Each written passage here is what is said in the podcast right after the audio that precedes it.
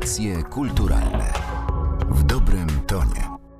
Przy mikrofonie Martyna Matwiejuk. Gośćmi audycji kulturalnych są dziś Magdalena Ziółkowska i Wojciech Grzybała, współzałożyciele Fundacji Andrzeja Wróblewskiego i również kuratorzy wystawy, o której dzisiaj porozmawiamy.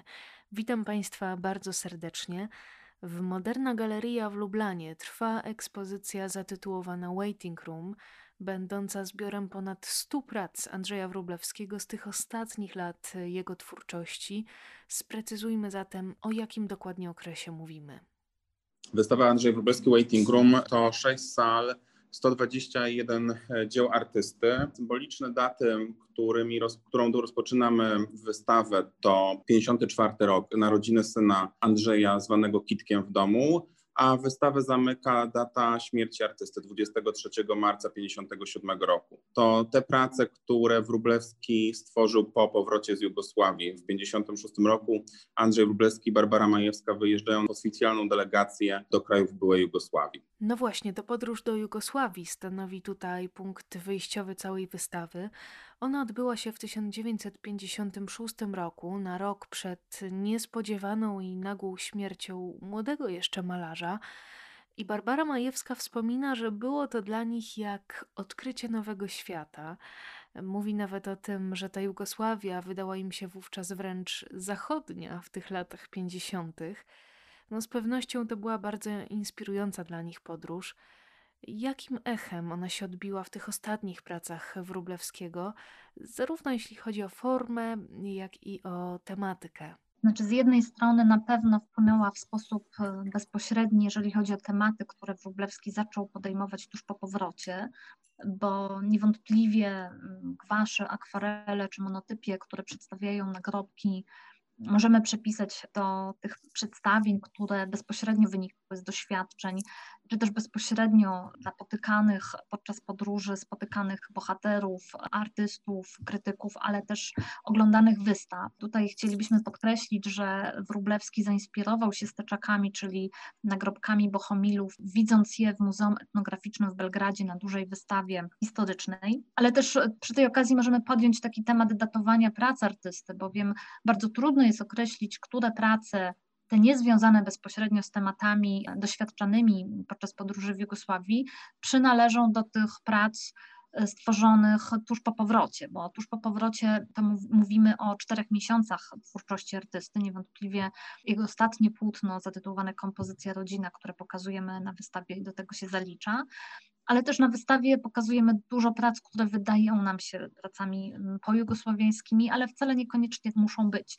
Tym bardziej nam zależało na tym, by stworzyć pewien taki krajobraz tematyczny, pokazać też różne inspiracje, ale też późną twórczość Wróblewskiego i w taki sposób odpowiedzieliśmy na to poprzednie pytanie, w taki sposób ramujemy tą wystawę, a przy okazji pokazujemy na te prace, które niewątpliwie powstały bezpośrednio po podróży i są taką reminiscencją mm, wizualnych doświadczeń. Do tego, co Magda powiedziała o podróży i o tym śledzeniu faktów, znajdywania kolejnych e, tropów, jeżeli chodzi o e, to, w jaki sposób Wróblewski przeżył tę podróż, musimy zaznaczyć jeszcze dwie rzeczy. Poza samym faktem oczywistych inspiracji, czy to twórczością wuja Kili, prymitywnego malarza, którego spotkał, który mu dedykował fotografię ze swoją podobizną, czy też właśnie to, o czym Magdalena powiedziała, wizyta bardzo ważna, jak później się okaże, dla twórczości Wróblewskiego w Muzeum Etnograficznym w Belgradzie,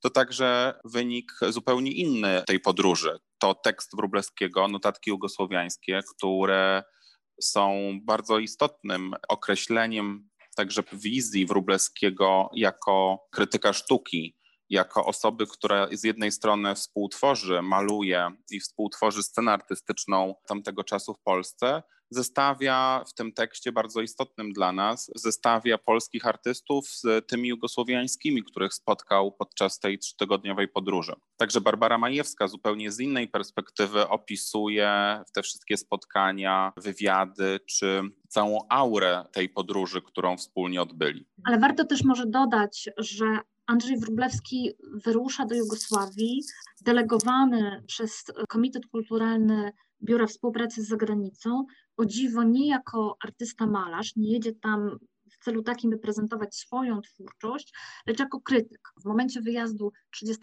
października 1956 roku Wróblewski ma na swoim koncie jako krytyk ponad 60 artykułów opublikowanych w prasie. Są to zarówno recenzje wystaw, które widział, to są artykuły teoretyczne, to są artykuły historyczne, mówiące na przykład o sztuce prehistorycznej i greckiej, to są także teksty krytykujące szkolnictwo artystyczne, w szczególności Akademię Sztuk Pięknych w Krakowie i on tam jedzie w bardzo konkretnym celu.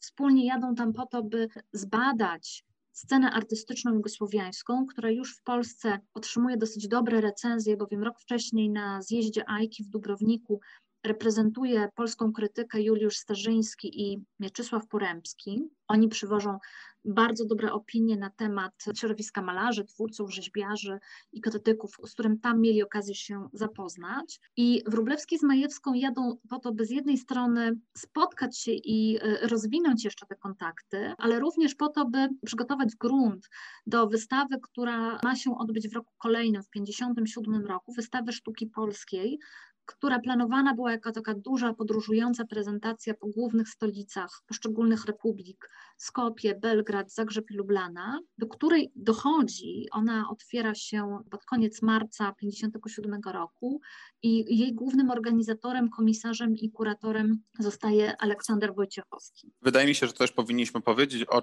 tym, że podróż, którą określamy właśnie takim niezwykłym, niezwykłą wyprawą na południe do zupełnie innego klimatu, nie tylko politycznego, Należy pamiętać, że Jugosławia, Zjednoczone Kraje Jugosławii pod przewodnictwem Tito w 1956 roku i to, co wydarzyło się wcześniej też w sensie historycznego uwarunkowania tych terenów. Ludowa Republika Jugosławii była absolutnie inaczej otwarta, właściwie Polska nie była wtedy zupełnie otwarta, czyli ten kraj był otwarty na sztukę zachodnią. Wystawy, chociażby w Lublanie, sztuki jugosłowiańskiej, którą Wróblewski widzi, świadczą o tym. Ale wracając do tego początku, początku wyjazdu, w 1956 roku została podpisana w Belgradzie właśnie umowa o współpracy kulturalnej między Polską a Federacyjną Republiką Jugosłowiańską o współpracy w całym aspekcie nie tylko sztuk wizualnych, ale także baletu, teatru, tańca, opery. Ten wyjazd Majewskiej i Wróblewskiego jest częścią właśnie planowanej na rok 57 wystawy e, zarówno sztuki jugosłowiańskiej w Polsce, jak i sztuki polskiej w Jugosławii. Znamy dokładny przebieg tej wizyty z kalendarzyku Wróblewskiego. To małych dzienniczków, w których opisywał Wróblewski każdy dzień tego wyjazdu. Od spotkań z dziennikarzem, późniejszym pisarzem Modrakiem Bulatowiczem, który przeprowadza tuż po wylądowaniu w Belgradzie z Majewską i z Wróblewskim wywiad do gazety NIN czy też takie prozaiczne rzeczy jak wizyta w dancingu Sloń w Lublanie, czy też oglądanie filmu z Gary Cooperem. Ten dokładny opis e, miejsc, spotkań osób, które Wróblewski spotyka, posłużyły nam, rekonstrukcja posłużyła nam także do stworzenia scenariusza tej wystawy to pozwolę sobie nawiązać właśnie do tych zapisów w kalendarzu, ponieważ w jednej z notatek Andrzej Wróblewski pisze, że jego twórczość oparta jest na pokornym oglądaniu życia. I tu można postawić takie pytanie, co on uważał za swoją powinność jako artysty malarza, jaką rolę przydawał swojej pracy w tych jeszcze przedodwilżowych czasach. Wydaje mi się, że te powinności malarza, mm, obowiązki, czy rola, którą artysta, bo nie chodzi tu wyłącznie o artystów malarzy, ma pełnić w społeczeństwie, ma pełnić względem siebie, to jest taki temat, który Wróblewski rozważał właściwie od samego początku. Co więcej, nam się do tej pory wydawało, że w 1948 roku w takim kilkudniowych zapiskach które odnaleźliśmy już wówczas e, studenta e, Andrzeja Wróblewskiego Krakowskiej Akademii Uniwersytetu Jagiellońskiego. On zadaje sobie właściwie codziennie to pytanie, co to znaczy być tu i teraz artystą. Pisze o takim skompromisowaniu się, o tym, że właśnie w przeciwieństwie do kolegów on nie chce się skompromisować, nie chce wykonywać hałtur, nie chce podejmować łatwych decyzji, wybierać łatwych ścieżek. I właściwie cała twórczość Wróblewskiego, chociaż bardzo krótka, jest poszukiwaniem, jest poszukiwaniem z jednej strony języka, o którym chciałby mówić, którego chciałby używać, tworząc sztukę aktualną, tworząc sztukę podejmującą ważne tematy, sztukę potrzebną, sztukę też uczciwą z samym sobą. I jest kilka takich wypowiedzi, które są absolutnie poruszające. momencie, gdy z jednej strony malował i proponował zatopione miasta, czyli mówił językiem abstrakcji geometrycznej, w 1949 roku publikuje tekst w jednej z gazet krakowskich zatytułowany Jak odczuć sztukę abstrakcyjną, gdzie pisze wręcz, że tylko abstrakcja ma siłę pilnika i potrafi za pomocą geometrycznych figur przekazać rewolucję. I takich wypowiedzi mamy kilka, które w różnych momentach życia i twórczości dawałyby nam jakiś kierunkowskaz, w jaki sposób możemy wyobrazić sobie, jaką postawę twórczą chciałby Wróblewski przyjmować, czy też jaką przyjmował. To była właśnie postawa bezkompromisowa, to było niechodzenie na różne układy, to była zawsze wiara w to, że sztuka jest ważna i sztuka odgrywa istotną rolę dla wyobraźni, dla historii, dla społeczeństwa. Nawet jeżeli Wróblewski podejmował język socrealizmu, bo też ma taki moment w swojej twórczości, to jednak do tego socrealizmu nie doszedł w sposób podobny jak jego koledzy, krótko mówiąc, przyjmując go za oficjalną doktrynę malarską.